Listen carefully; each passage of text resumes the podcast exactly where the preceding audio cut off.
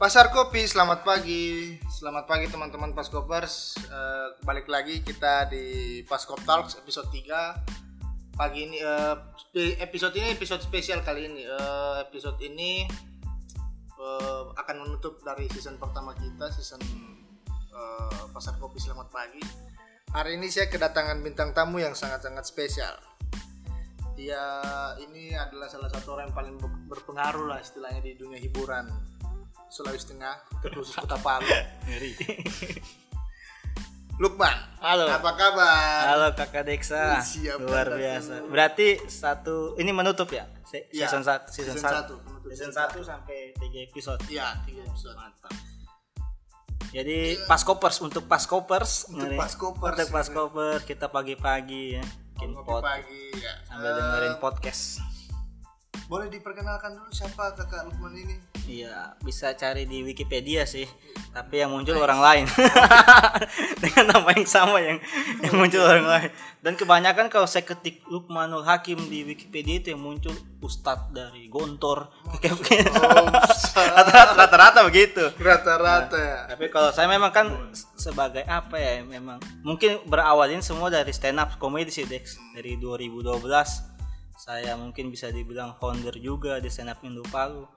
2012 sampai sekarang maksudnya konsisten masih ya di stand up Indo ya stand up comedy Palu. Jadi sehingga kalau kau bilang sebagai ya penghibur dan entertain jadi lebih luas lagi kan maksudnya untuk ke eventnya untuk mungkin sekarang juga merambah sebagai penyiar dan MC maksudnya mungkin karena faktor semua awalnya itu dari 2012 itu di stand up Indo Palunya makanya kan banyak yang bilang eh, maksudnya saya dari 2012 itu sebenarnya sudah sudah apa ya kalau bisa dibilang tahun itu dari 2012 sampai 2000 mungkin 16 17 itu memang saya sudah menggeluti di bidang itu intens di situ maka bahkan saya sempat ikut audisi di stand up Kompas berapa kali kan bahkan in, eh, suci suci tiga A- awal itu itu angkatannya orang Ari Kriting Ari itu Kriting. babe saya ikut sampai tahap audisi di Jakarta waktu itu. Kemudian juga ikut lagi saya ke Suci 4 di Surabaya. Suci 4 itu angkatannya orang Abdur.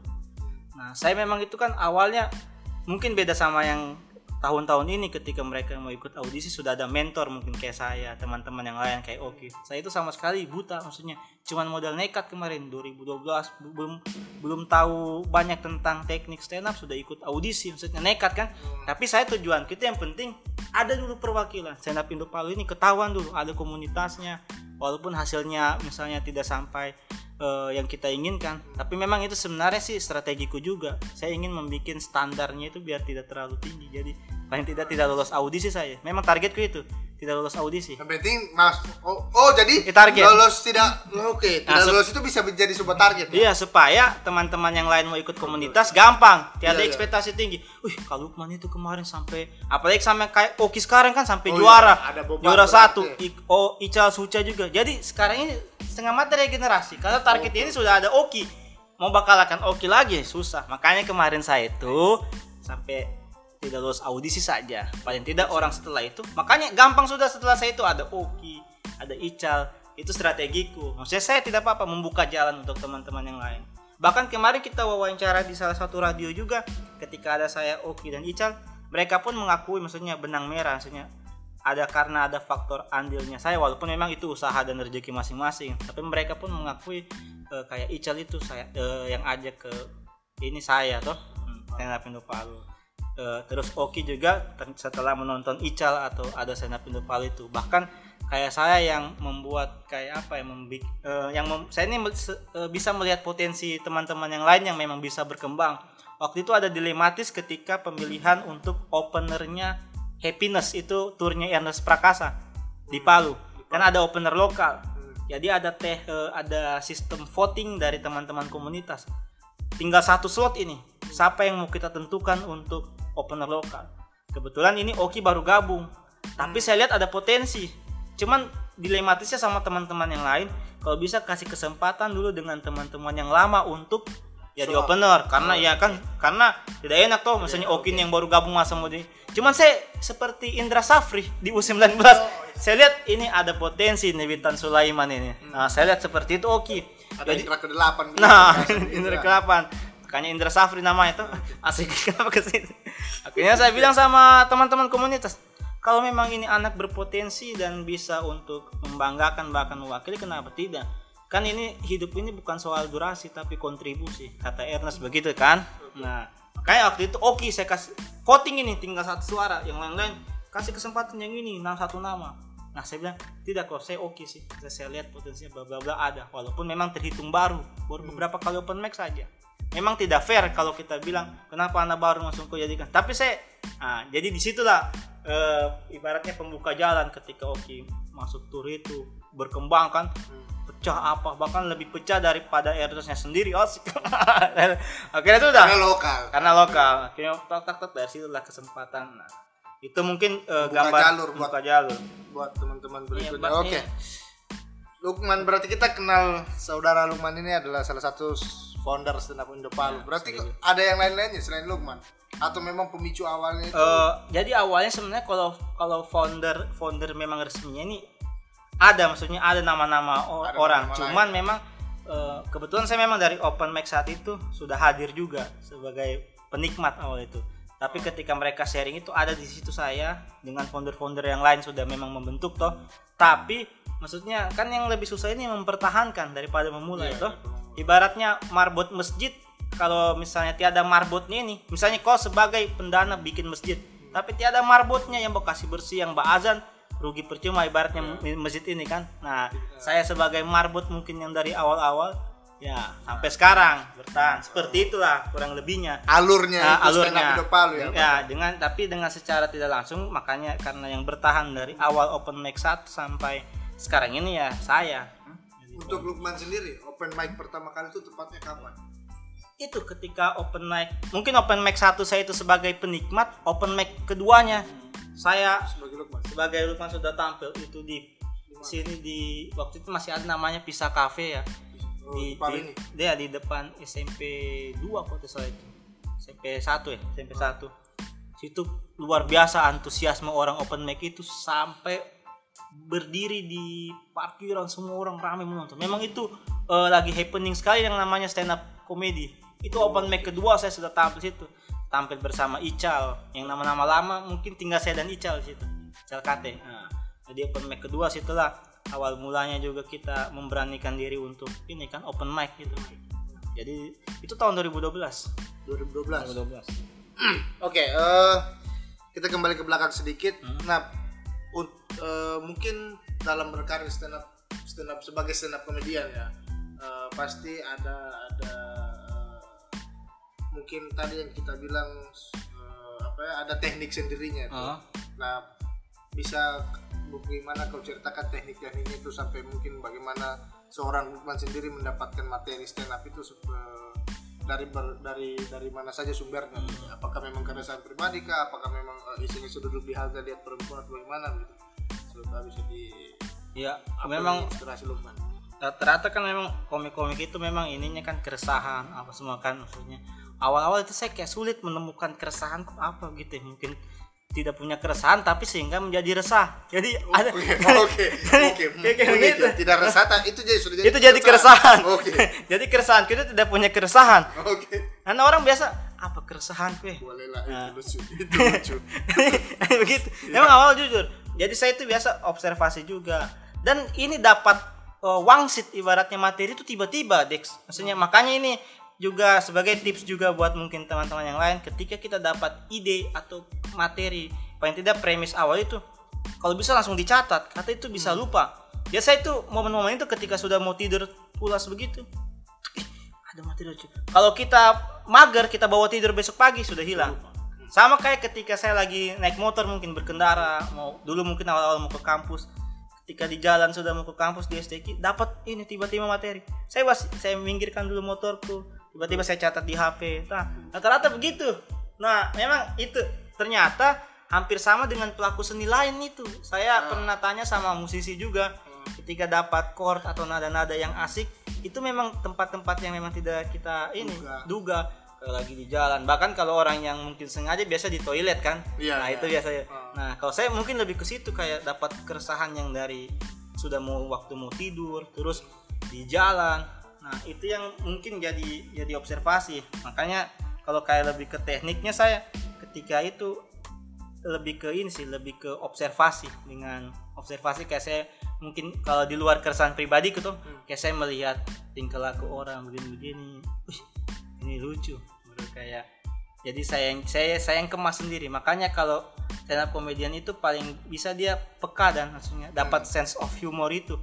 Jadi kalau ada kita punya rasa humor itu sudah kayak "Ih, ada kepekaan tersendiri kepekaan gitu eh, ya. sama kayak mungkin pelaku seni lain kan mungkin sutradara apa melihat fenomenal apa yang di, di sekitarnya oh ini kayaknya bisa kita kemas untuk jadi ide cerita bagaimana sih ceritanya Lukman sendiri bisa bisa bisa apa bisa Hmm? bisa tertarik dalam sama dunia stand up dunia Hmm, komedi ini. iya. Ap- apa yang picu? Kan di 2012 itu mungkin masih masih ngawang-ngawang masih belum atau sebelum 2012 belum melirik stand up. Apa yang bisa bikin oh ini kayaknya patut saya coba ini? Justru saya dulu di SMA itu orang yang paling takut berbicara di depan umum. Jujur. SMP SMA itu sama sekali saya tidak percaya diri. Ketika disuruh guru bahkan jadi ketua kelas untuk bab present guru untuk salam itu sama sekali. Saya takut gugup. Itu saya kelemahanku itu di depan umum. Dan saya tidak tahu ya pas saya mulai kuliah yang menemukan namanya stand up ini oh kenapa saya rasa di depan umum saya berbicara tapi tidak gugup baru bahkan kayak ini sudah kayaknya yang bisa yang saya temukan ini wadah ini yang kayaknya pas untuk saya bicara. Karena SMP SMA itu saya kategori orang yang memang lugu betul-betul kuper lah dalam pergaulan. Makanya banyak orang yang kaget juga bahkan dari keluargaku dari teman-teman terdekatku SMP SMA ketika saya kelihatan di publish kan di panggung apa ih oh ternyata begini ya. Tapi itu memang berlaku juga ketika banyak stand up comedian lain memang banyak yang personalitinya itu ketika turun panggung dia jadi beda juga. Ba- banyak yang kayak gitu. Justru kayak mungkin eh, Oki pun begitu. Dia kalau di depan panggung kan wah pecah apa tapi ketika dia di belakang panggung kepribadiannya itu berbeda. Begitu maka rata-rata. Agak-agak insecure begitu ya? Rata-rata eh, pemanggung pun seperti itu. Saya begitu awal. Kenapa pas naik panggung wah tak tak tak.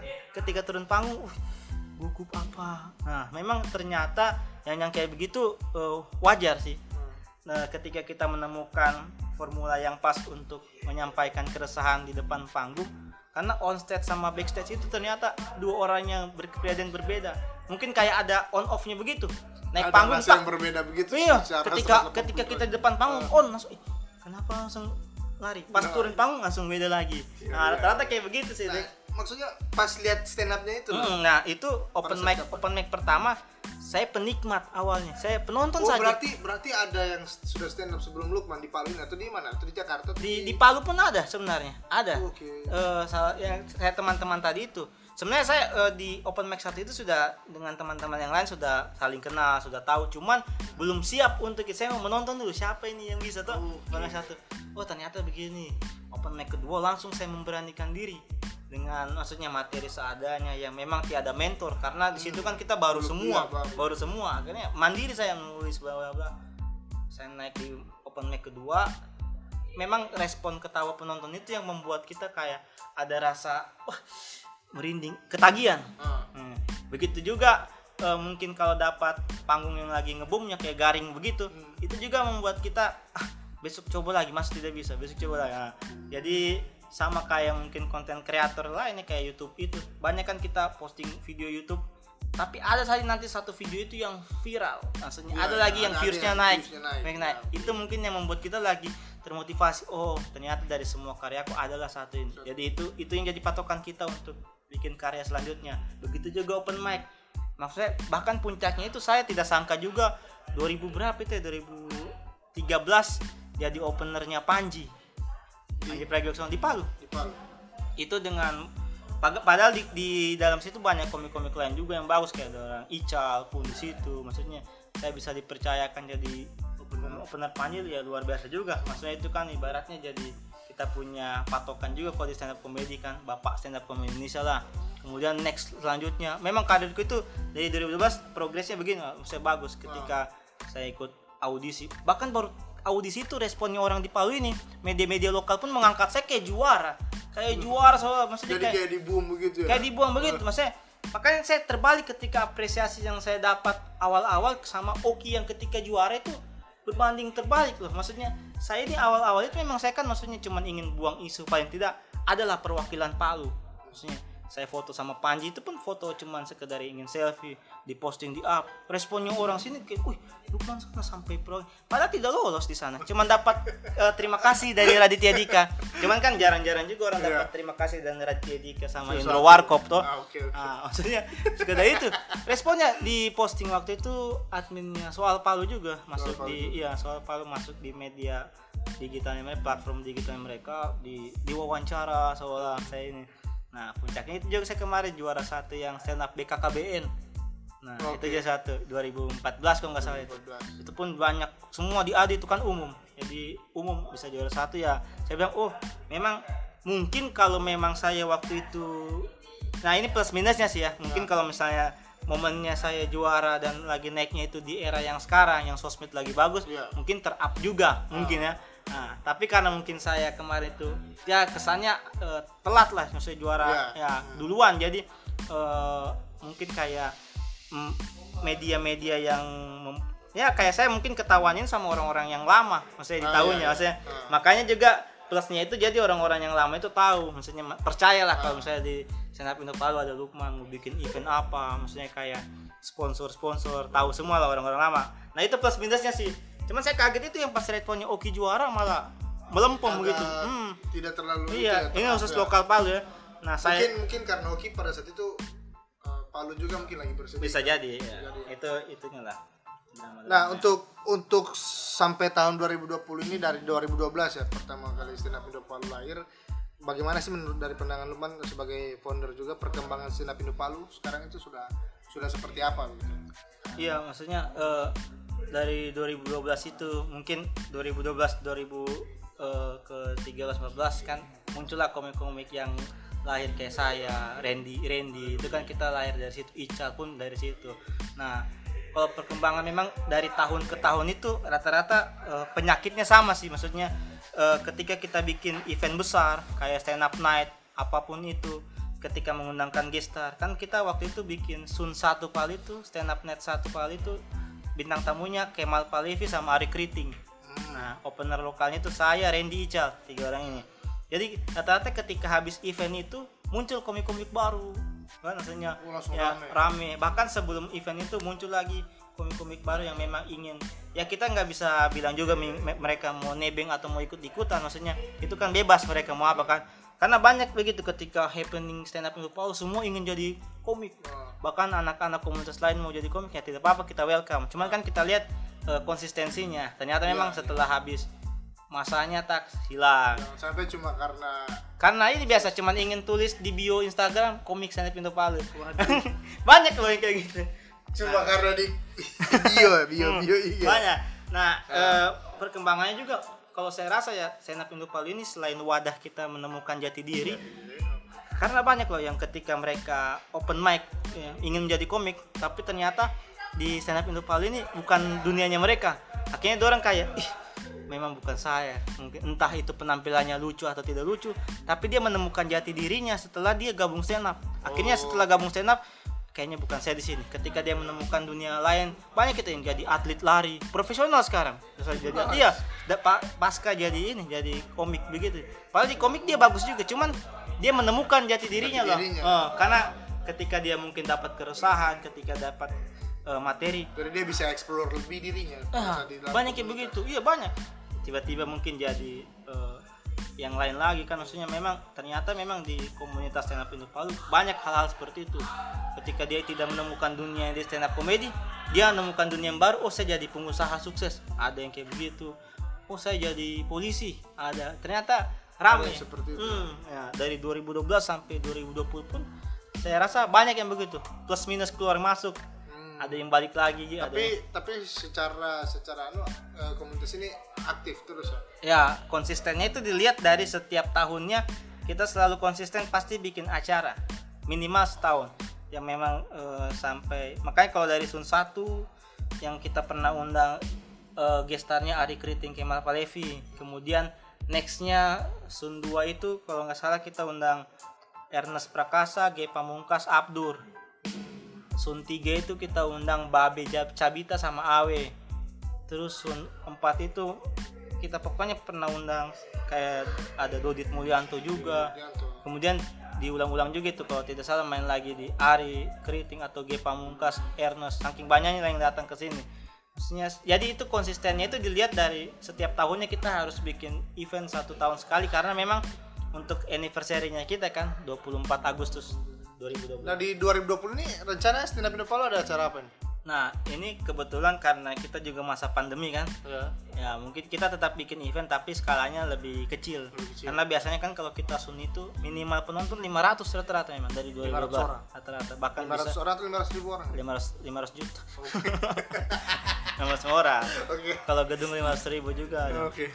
sedangkan kota Palu penduduknya 300 ribu Oh, 200 ribunya orang dari mana jadi, jadi kayak begini tuh Oke. Nah, makanya yang konsisten itu berarti Dex memang dari event-event. Dari Jadi event-event, 2020 ini rencana bikin anniversary dengan skalanya mungkin kita lokal-lokal aja. Karena kan yang tahun kemarin ada Ernest kan. Iya. Kami seperti itu sih rata-rata. Memang lagi covid juga kan. Lagi sekarang. covid. Mungkin dengan ini kalau Palu ini eh, ketika kita sudah dilihat ternyata bagus eh, crowdnya untuk pasar komedi eh, komik-komik lain yang ingin komik nasional khususnya Iya. ketika bikin tour Palu ini salah satu tempat favorit Tujuan, mereka oh. tujuan sehingga Ada ada sekarang mungkin ada. ada ya tahun ini alhamdulillah dapat Panji Pragiwaksono Oh, Panji Pragiwaksono mau tour di Palu? Nanti 28 November 28 November. eh, acaranya itu termasuk yang kita nantikan juga karena eh, Panji Pragiwaksono eh, ya kita tahu lah skalanya seperti apa kalau kita mau undang untuk sebagai gestar setengah mati jadi dia datang memang turnya ke sini Ke sini. Hmm. cuman yang kita sayangkan itu sih karena masa pandemi saja ya jadi Iya. mungkin antusiasnya seperti apa kan nantilah kita tunggu Nah, untuk eh,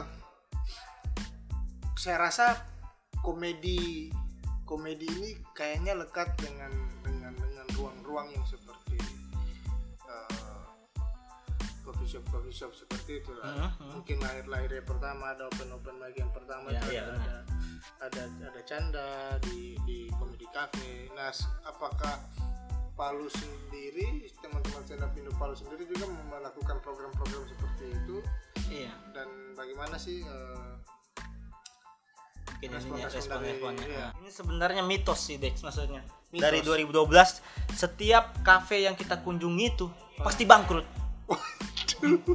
Tapi itu berlaku dari berapa kafe yang mulai dari open mic kedua itu bangkrut sekarang jadi laundry. waduh maksudnya itu konsisten beberapa tahun loh maksudnya. Entah bangkrut ternyata ganti nama dengan kafe yang baru, itu konsisten berlaku.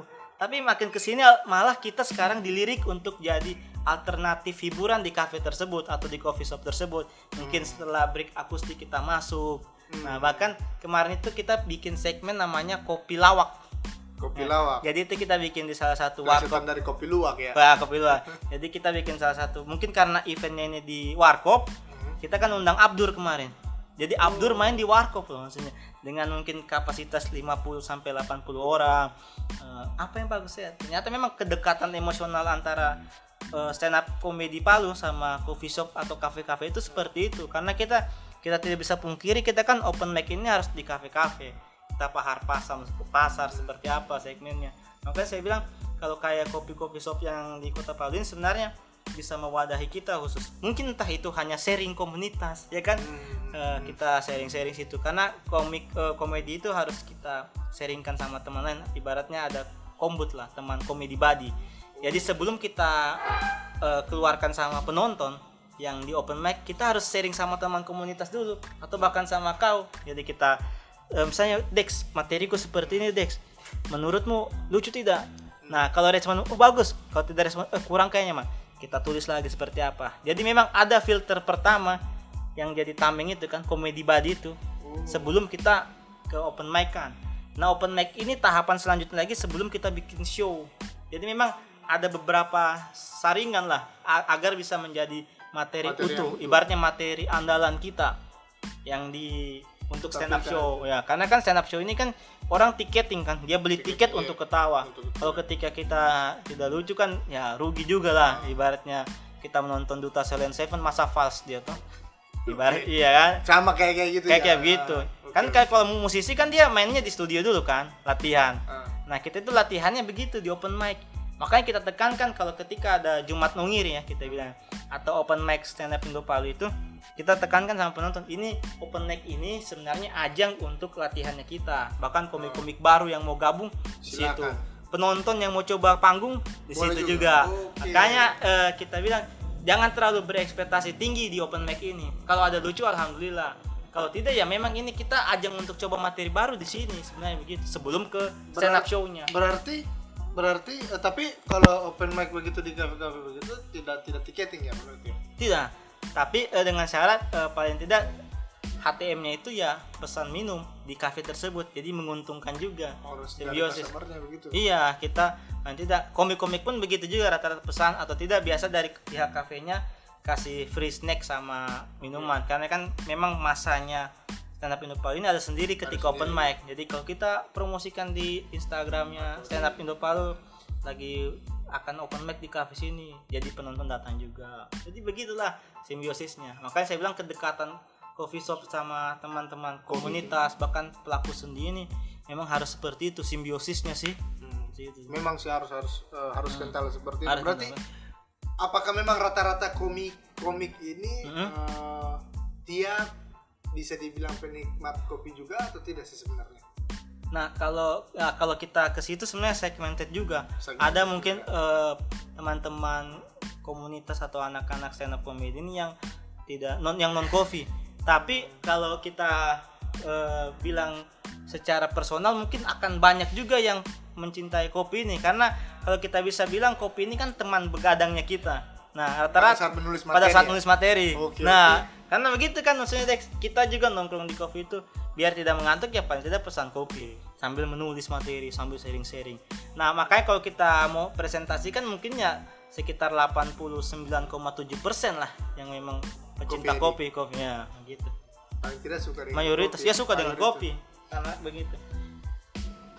Oke teman-teman kali ini sekian dari pas Talks kali ini spesial sekali sih tamu saya hari ini salah satu founder stand up Indo Palu yang berke- sudah berkecimpung dan punya Mungkin eh, Dexa sudah hubungi Oki sama Ical cuman tidak bisa, jadi alternatifnya saya toh. Tidak apa-apa, Dex. apa Tapi orang keren. dua mahal kan Nama ini yang, yang free-free saja Dex. Buat Oke, pas kopers ya. Iya. Oke teman-teman nanti eh, kakak Lukman bisa disapa di Instagramnya Lukmanul Hakim Ya, Lukmanul at. Lukman Lukman eh, Ah, di bisa didengerin juga nanti di radionya di mana radio di RHFM Era RHFM tiap Senin sampai Jumat di situ di, ML di ML malamnya Lukman. malamnya Lukman. Iya. Program nama programnya itu. Ya, ML. Jangan dipikir yang lain-lain. Makanya biar kalau kita punya bintang tamu misalnya bintang tamunya selebgram Kota Palu. Ah. ML sama selebgram Kota Palu. Waduh. kan Oke, oke cukup teman cukup sekian teman-teman pas koper saya mau ngopi pagi dulu sama Lukman mungkin Iya. ada ada pembicaraan ML ML selanjutnya kayaknya. iya. Oke. Terima kasih sampai jumpa Pasar Kopi selamat pagi.